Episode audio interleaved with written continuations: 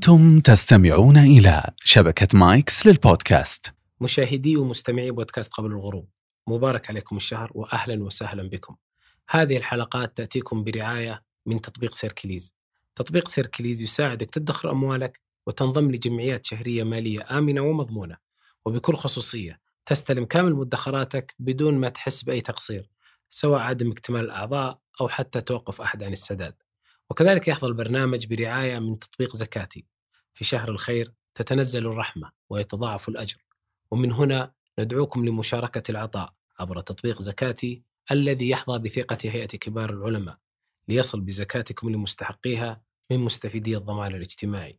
كل الشكر لرعاة بودكاست قبل الغروب ومتابعة ممتعة نتمناها لكم.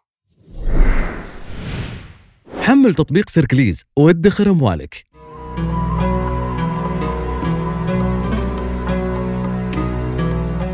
السلام عليكم.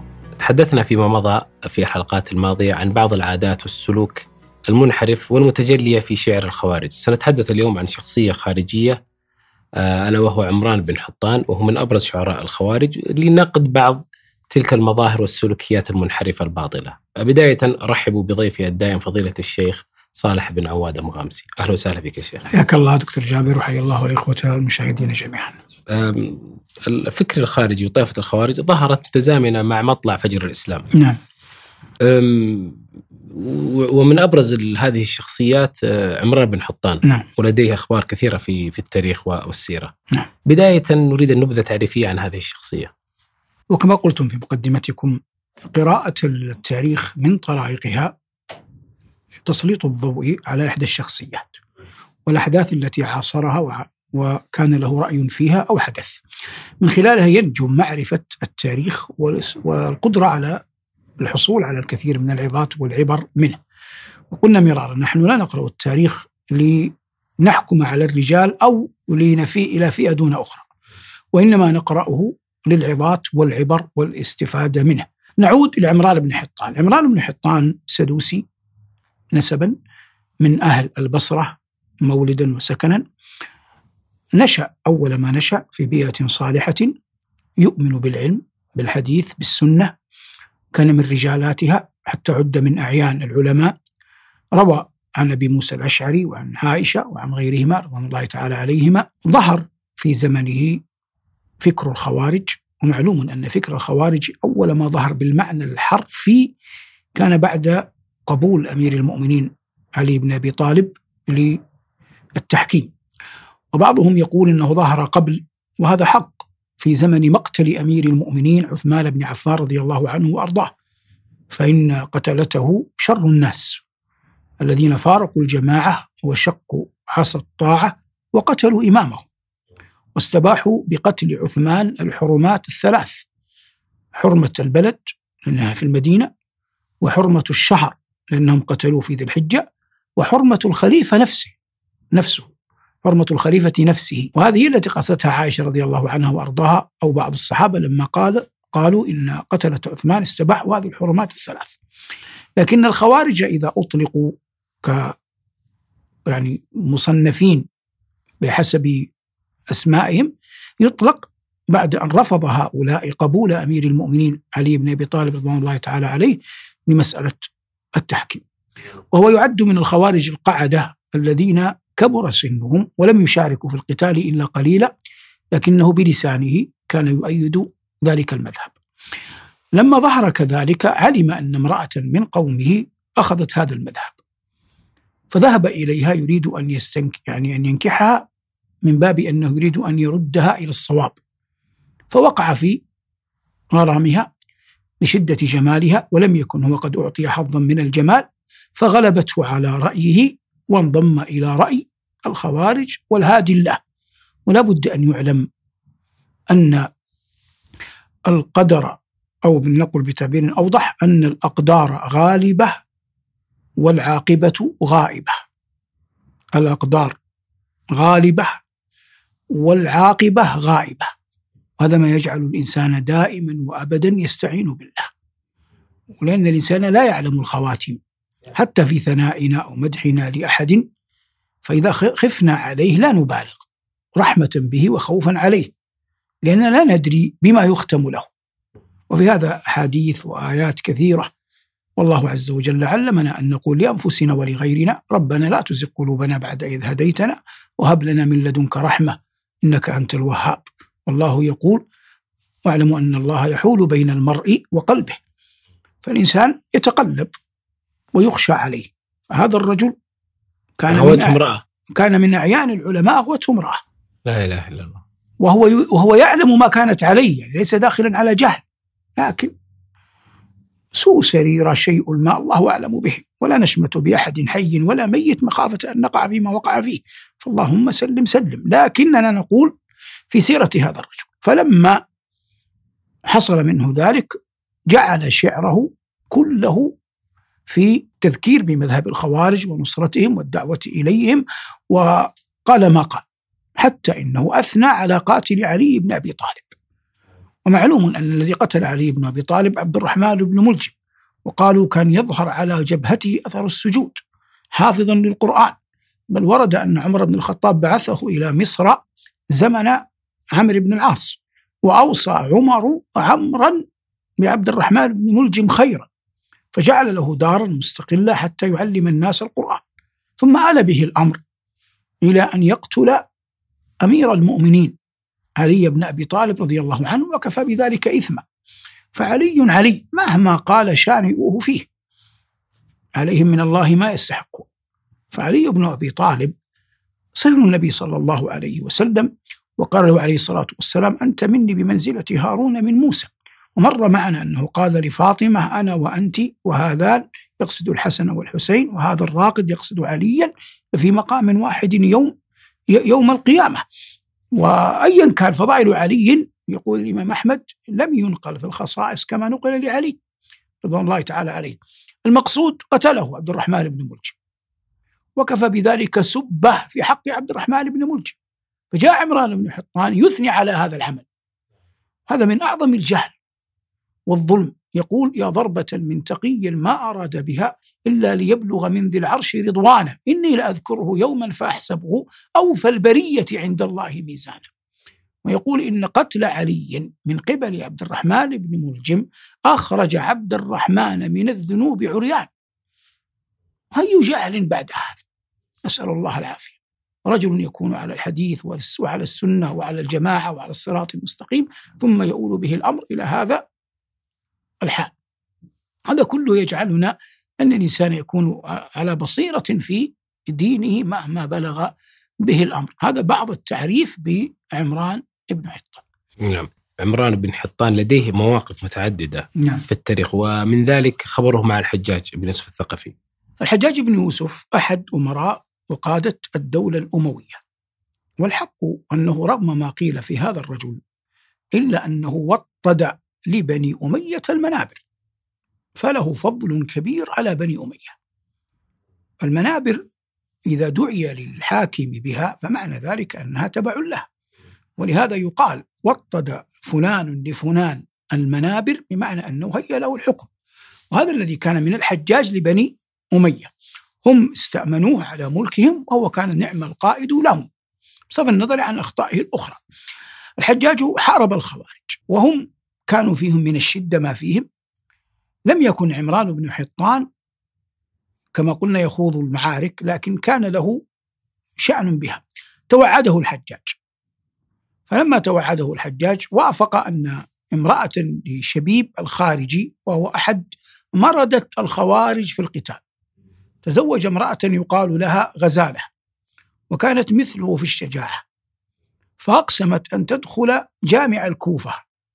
التي هي حاضرة الحجاج يعني عاصمة منطقته. لم يكن هناك العراق إلا الكوفة والبصرة وبينهما واسط التي بناها الحجاج. مدينة واسط ما بين الكوفة والبصرة. لم يكن يوم ذاك بغداد ولا غيرها. الأنبار كانت موجودة لكن لم يكن لها شأن. كان شأنها في زمن أبي العباس السفاح. المقصود أنها أقسمت ونذرت أن تدخل جامع الكوفة فتصلي فيها فتصلي فيه ركعتين. يعني تطيل فيهما. فبرت بقسمها. ودخلت مع جيوش الخوارج الكوفة وصلت في جامع الكوفة ركعتين قرأت فيهما بالبقرة وآل عمران الصورتان الكريمتان. حتى تبين أنها لا تخشى شيئا ليست على عجل. فلما كان الحجاج متواريا والحجاج يعرف متى يقدم ومتى يحجم وهذا هو الأصل الحرب خدعة. فقال عمران بن حطان يعير الحجاج. بهذا الأمر. أسد علي وفي الحروب نعامة فتخاء تنفر من صفير الصافر. هلا برزت إلى غزالة في الوغى؟ أو بل كان قلبك في جناحي طائر. يعني لم تقدر عليها. وقال أسد علي يعني على عمران. وفي الحروب نعامة كناية عن الجبن. هو قبض عليه بعد ذلك. وقال هذه قبل قبل أن يقبض عليه يعني. هو يعلم أن الحجاج يتتبعه يبحث عنه. لأنه طلبة أمير المؤمنين. فأخذ يقول عنه ذلك وثم بعد حين ظفر الحجاج به. بعد أن قال هذه الأبيات ظفر الحجاج به. فالحجاج كان يعني يعني صاحب سيف فيه رهق. فقال اقتلوا وقال سبه ونزه سمعك عنها فقال قال عمران للحجاج بئس ما أدبك أهلك يا حجاج. أبعد الموت منزلة تمانعني عليها. يعني إذا قتلتني كيف سأجيبك؟ الآن نحن نحن حوار. ترد علي وأخذ معك وأعطي تقنعني أو أو أقنعك. فإذا فصلتها بالقتل كيف سأجيبك؟ والحجاج أحيانا ما أدري ماذا يصيبه يعني. كأنه اقتنع. قال اطلقوه. الكلمة تلك أثرت في الحجاج. وهو من مد دهر يبحث عنه. لكن بعض الناس يستحي من نفسه عنده عقل. فإذا خطبته عقليا عندنا العامة يقولون العاقل يرده عقله. عقله. هي نفسها. فلما خطبه عقليا بئس ما أدبك أهلك يا حجاج بعد الموت منزلة ننازعك عليها ومانعك عليها. قال صدق. أطلقوه. أطلقوه. لما عاد إلى قومه إلى الخوارج هم يريدون أن يشنوا حملة أخرى على الحجاج. قالوا قم معنا. قال هيهات.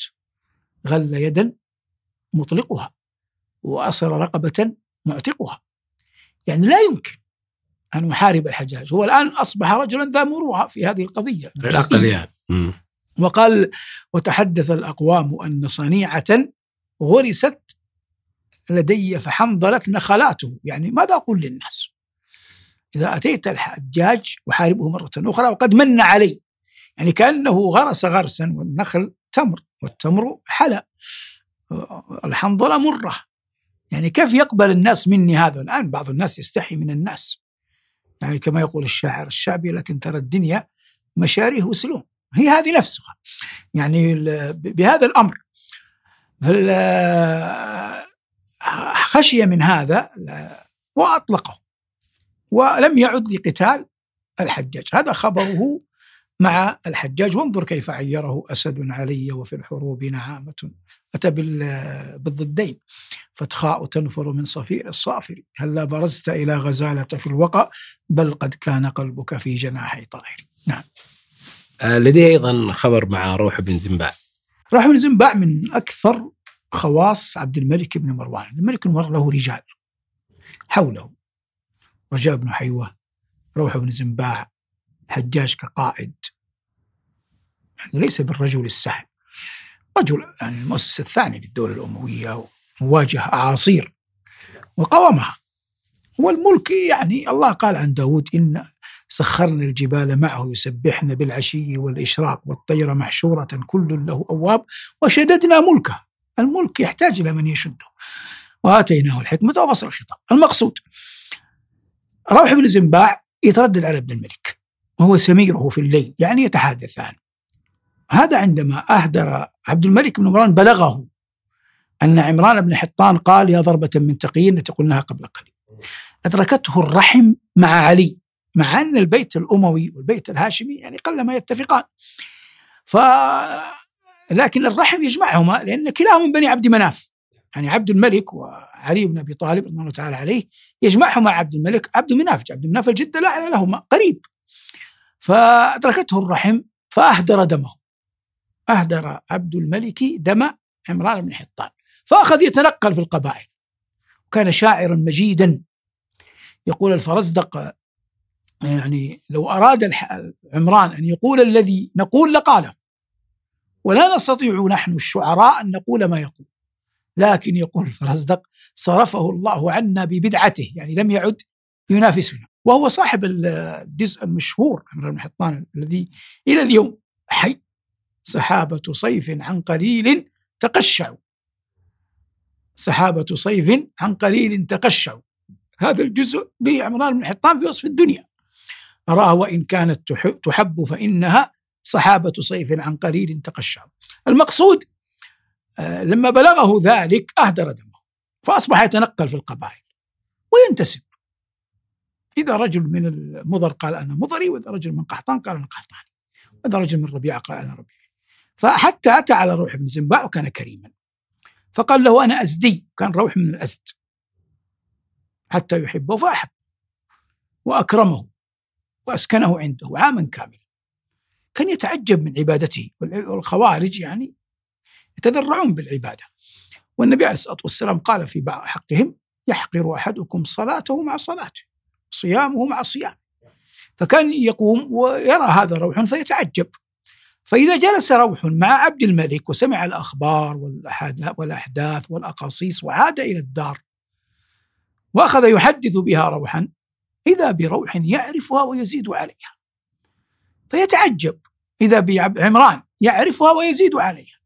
فذكر روح للعبد الملك ما يلقى. قال صفه لي. فوصفه قال إنك تصف عمران بن حطان. هذا الذي أنا أبحث عنه. قل له إن أمير المؤمنين يريدك. فلما قال له ذلك فر. قال "أسب- أسبقني وسألحقك سبقه روح فكتب. يا روح كم من أخ مثوى نزلت به قد ظن. قد ظن ظنك من لخم وغسان. وذكر ما أصابه يوما يمان إذا لقيت ذا يمن وإن لقيت معديا فعدناني. لو كنت مستغفرا يوما لطاغية كنت المقدم في سر وإعلان لكن أبت لي آيات مطهرة حين التلاوة في طه وعمران. يعني يقول أنت في نظري كما يفعل الخوارج الآن كافر مرتد. الآن روح له عام كامل يكرمه وهو يرى روحا يصلي ويصوم روح مسلم. ومع ذلك يراه كافر. يقول لا يجوز أن أستغفر لك. يعني أقول لك شكرا نعم. لكن لا أقول لك اللهم اغفر له. لو كنت مستغفرا يوما لطاغية كنت. كنت المقدم في سر وإعلان. لكن لماذا أبت لي آيات مطهرة حين التلاوة في طه وعمران؟ كأن ينزل القرآن تنزيل خطأ على. على الأحداث. فلما رجع روح وصل روح إلى أمير المؤمنين عبد الملك وأخبره أنه سيأتي قال لن يأتي. وصدق ظن عبد الملك لم يأتي وفر هاربا حتى مات وقد كبرت آه، سنه. هذا عمران بن حطان في علاقته مع روح بن زنباع وقبل ذلك في علاقته مع الحجاج بن يوسف.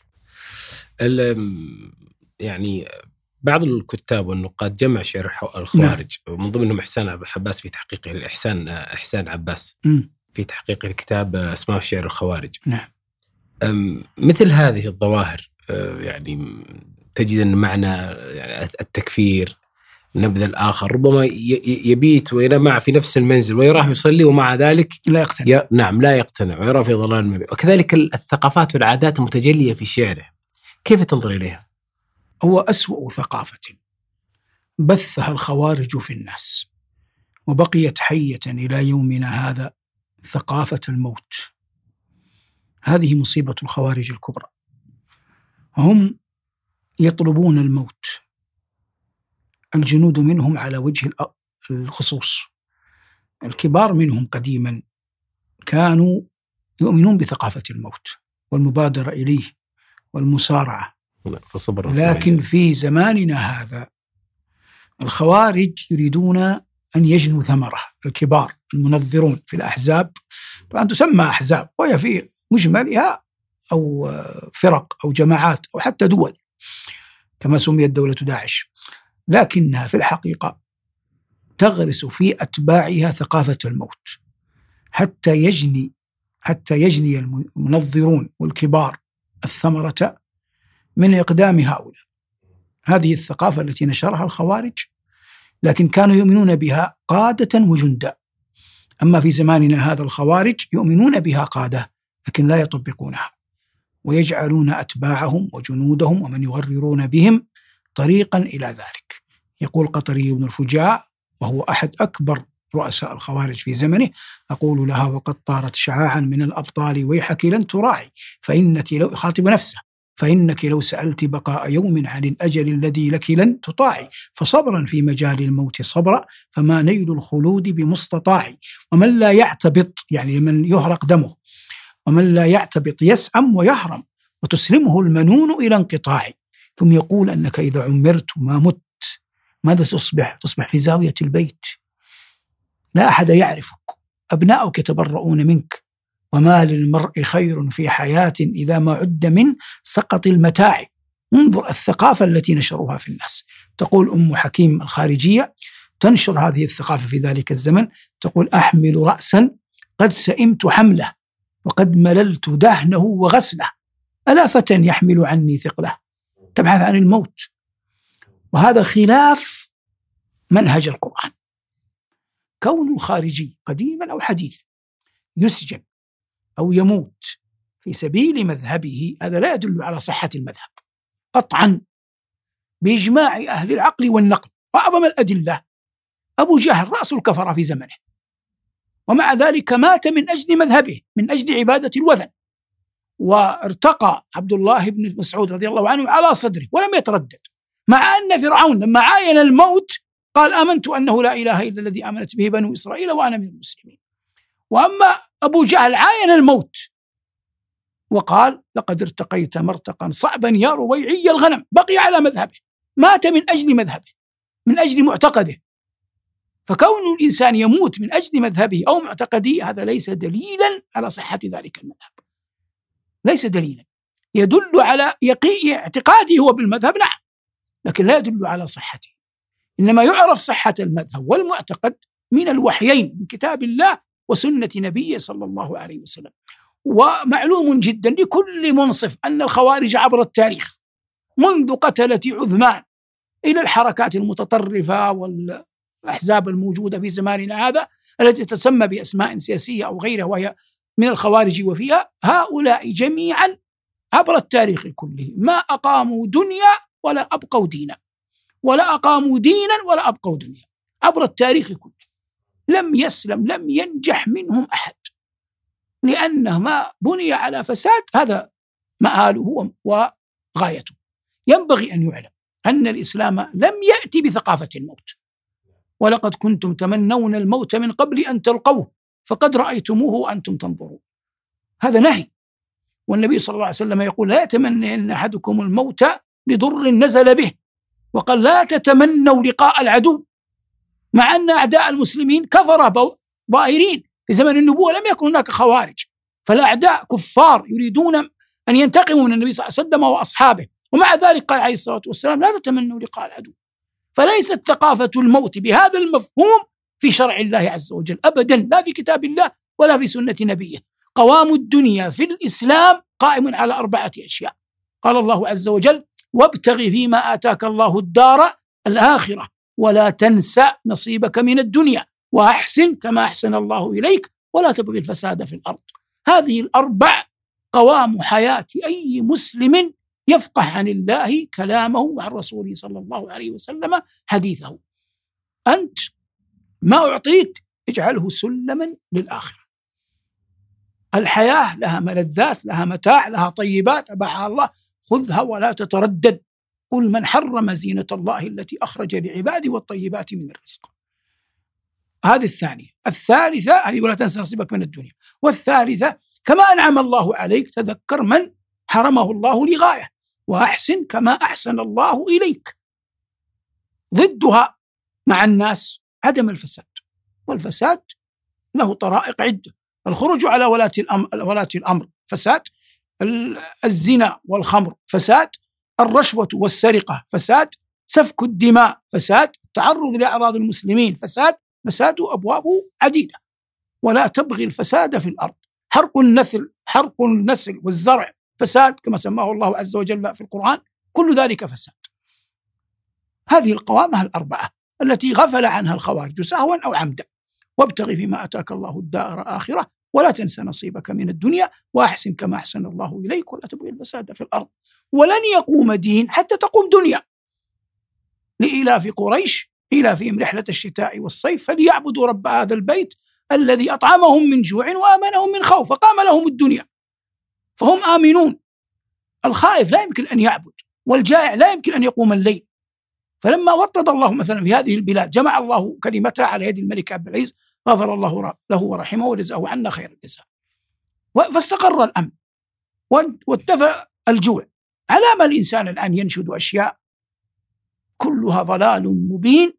لا تقيم والله دنيا ولا دين المقصود نعود إلى قضية ال ال ثقافة الموت التي نشرها الخوارج فيأتي الآن من يريد أن يغرر بالفتيان وبالفتيات ينشر فيهم ثقافة الموت. فيسقط آيات الجهاد على الخروج على ولاة الأمر أو حتى على غيره. الجهاد ذروة سنام الدين لا ريب. جعله الله عز وجل بيد ولي أمر المسلمين. هو أعلم بمصلحة أهل الإسلام. متى يقدم بهم؟ متى يتريث؟ متى يحجم؟ متى يصالح أوكل الله عز وجل هذا كله لولاة الأمر. النبي صلى الله عليه وسلم صنع ذلك كله. حارب على أسوار المدينة في أحد وحارب أبعد في بدر ووصل إلى مكة في العام الثامن وذهب شمالا إلى خيبر في العام السابع صالح اليهود وهم على مقربة منه صالح الوثنيين في صلح الحديبية صالح النصارى لما أتاه وفد نجران كل ذلك صنعه صلى الله عليه وسلم. لماذا؟ كل هذه حتى لا يحتج أحد على أحد. هذه أمور داخلة في الأحكام السلطانية داخلة في السياسة الشرعية. جعلها الله عز وجل بيد ولي الأمر. وقل لمن يدعي في العلم فلسفة حفظت شيئا وغابت عنك أشياء. أنت عندما تسمع أو تقرا أيها الرجل من مصدر إخباري بعض المعلومات بعض المعارف هذه لا تهيئك. لأن تحكم على الشيء بالكلية لن تستطيع. لأن نقص المعلومة لن تأتيك كاملة. فنقص المعلومة يغير من نقص الحكم يجعل الحكم غير صحيح يجعل النظرة غير كاملة غير كاملة. فمن باب ذلك أوكل الله عز وجل هذا إلى ولاة الأمر لم يكلفك الله أكثر من أن تسمع وتطيع في غير معصية في غير معصية الله. جاءوا هؤلاء وقرأوا التاريخ السابق وجدوا أن نشر ثقافة الموت يساعد على أن تبقى نارهم موقدة. نسأل الله عز وجل أن يطفئها. فأعظم سوء قدمه الخوارج نشر ثقافة الموت. ظهر كذلك قضية المروءة. كانت في الخوارج الأولين في بعضهم موجودة كما هي موجودة عند عمران بن حطان عندما رفض أن يقاتل الحجاج بعد أن أطلقه الآن يوجد من يمن عليهم ولي الأمر بالعفو ثم يعود إلى ما كان عليه. فلا هو الذي اتبع الدين ولا هو الذي اتبع مروءة أهل الدنيا. وهذا بلاء عظيم وفساد في الطوية وخبث في السريرة. نسأل الله العافية لنا وللمسلمين جميعا. المقصود الأحاديث الكاملة التي هذه ثقافة الخوارج في ذلك العهد التي نشروها في الناس وكانوا يعني يتغنون بها. وحبلهم قصير. يعني قطري بن الفجاءة كان ينادى بأمير المؤمنين عشرين عاما. طيب ماذا حصل؟ ولا شيء.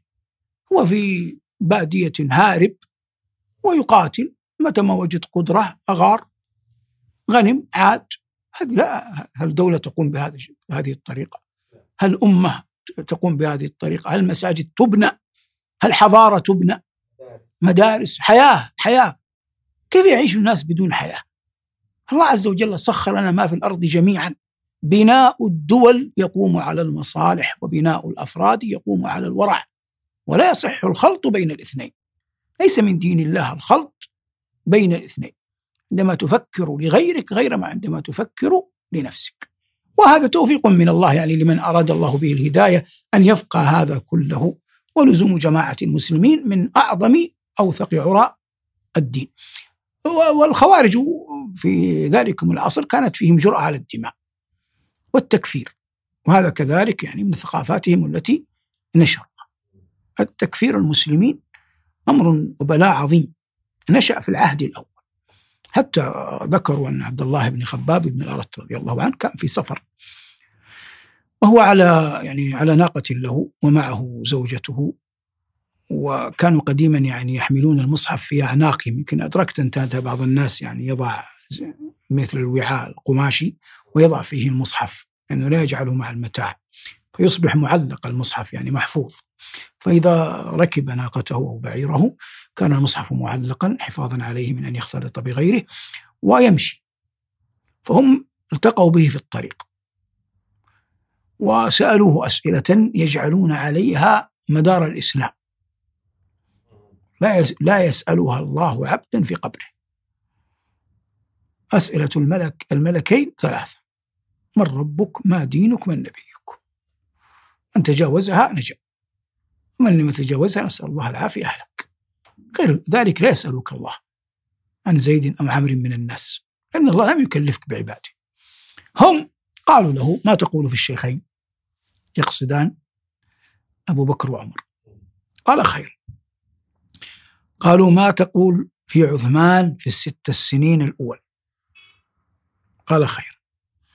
ما تقول في عثمان بعد ست سنين من حكمه وما تقول في علي. فكلها أجاب بخير. هؤلاء أربعة راشدون أصحاب رسول الله صلى الله عليه وسلم ومشهود لهم بالجنة والخطأ يقع. قالوا إن هذا الذي في عنقك يعني القرآن يأمرنا بقتلك. يطبقون الآن الآيات التي نزلت في الكفار على مسلم لأنه أجاب إجابة غير مرضية. هو الآن يأتي يسألك ما تقول في كذا؟ ما تقول في كذا؟ ما تقول في قرار مثلا الملك كذا؟ قال ما كذا. ويجعل الإسلام والكفر والإيمان في الجواب. جنون يعني. هذا نفس الخطى آه، العوجاء التي قالها السابقون التي منحرفة. فقال لما وجدوا أن إجابته لا تتفق مع أهوائهم قال أي أبا فنزلوا أنزلوه من من ناقته من بعيره وقتلوه. على النهر. كان يهودي واليهود أهل كتاب علم يراهم ويعرف أن هؤلاء خوارج ويعرف أن هذا يتكلمون عن الصحابة ويعرف أبو بكر فيتعجب يعني. ثم دخلوا على نخل لليهودي. قالوا هذا من أهل الكتاب أهل الذمة. ما يجوز أكل نخله. يسألونه ويتلطفون تلطفون معه ويستأذنونه. قال والله ما رأيت أعجب منه. تتورعون عن تمر يهودي ليس على ملتكم. وتقتلون رجلا. ثم قتلوه على ضفة الشاطئ. جهة العراق. جنون. يأتي الآن من يمشي على خطاهم. طبعا الخوارج عبر التاريخ هذه مهم ينكرون أنهم خوارج. يقول لا نحن على الحق. أنتم الضلال. أنتم الذين أضعتم الطريق. نحن الذين على الصراط المستقيم. نحن الذين مصيبون. نحن. أي إصابة نسأل الله العفو والعافية. والله ذهاب عقل. لذلك يعني قضية اهدنا الصراط المستقيم. هذه أعظم الكنوز الدعوية في الدنيا والآخرة.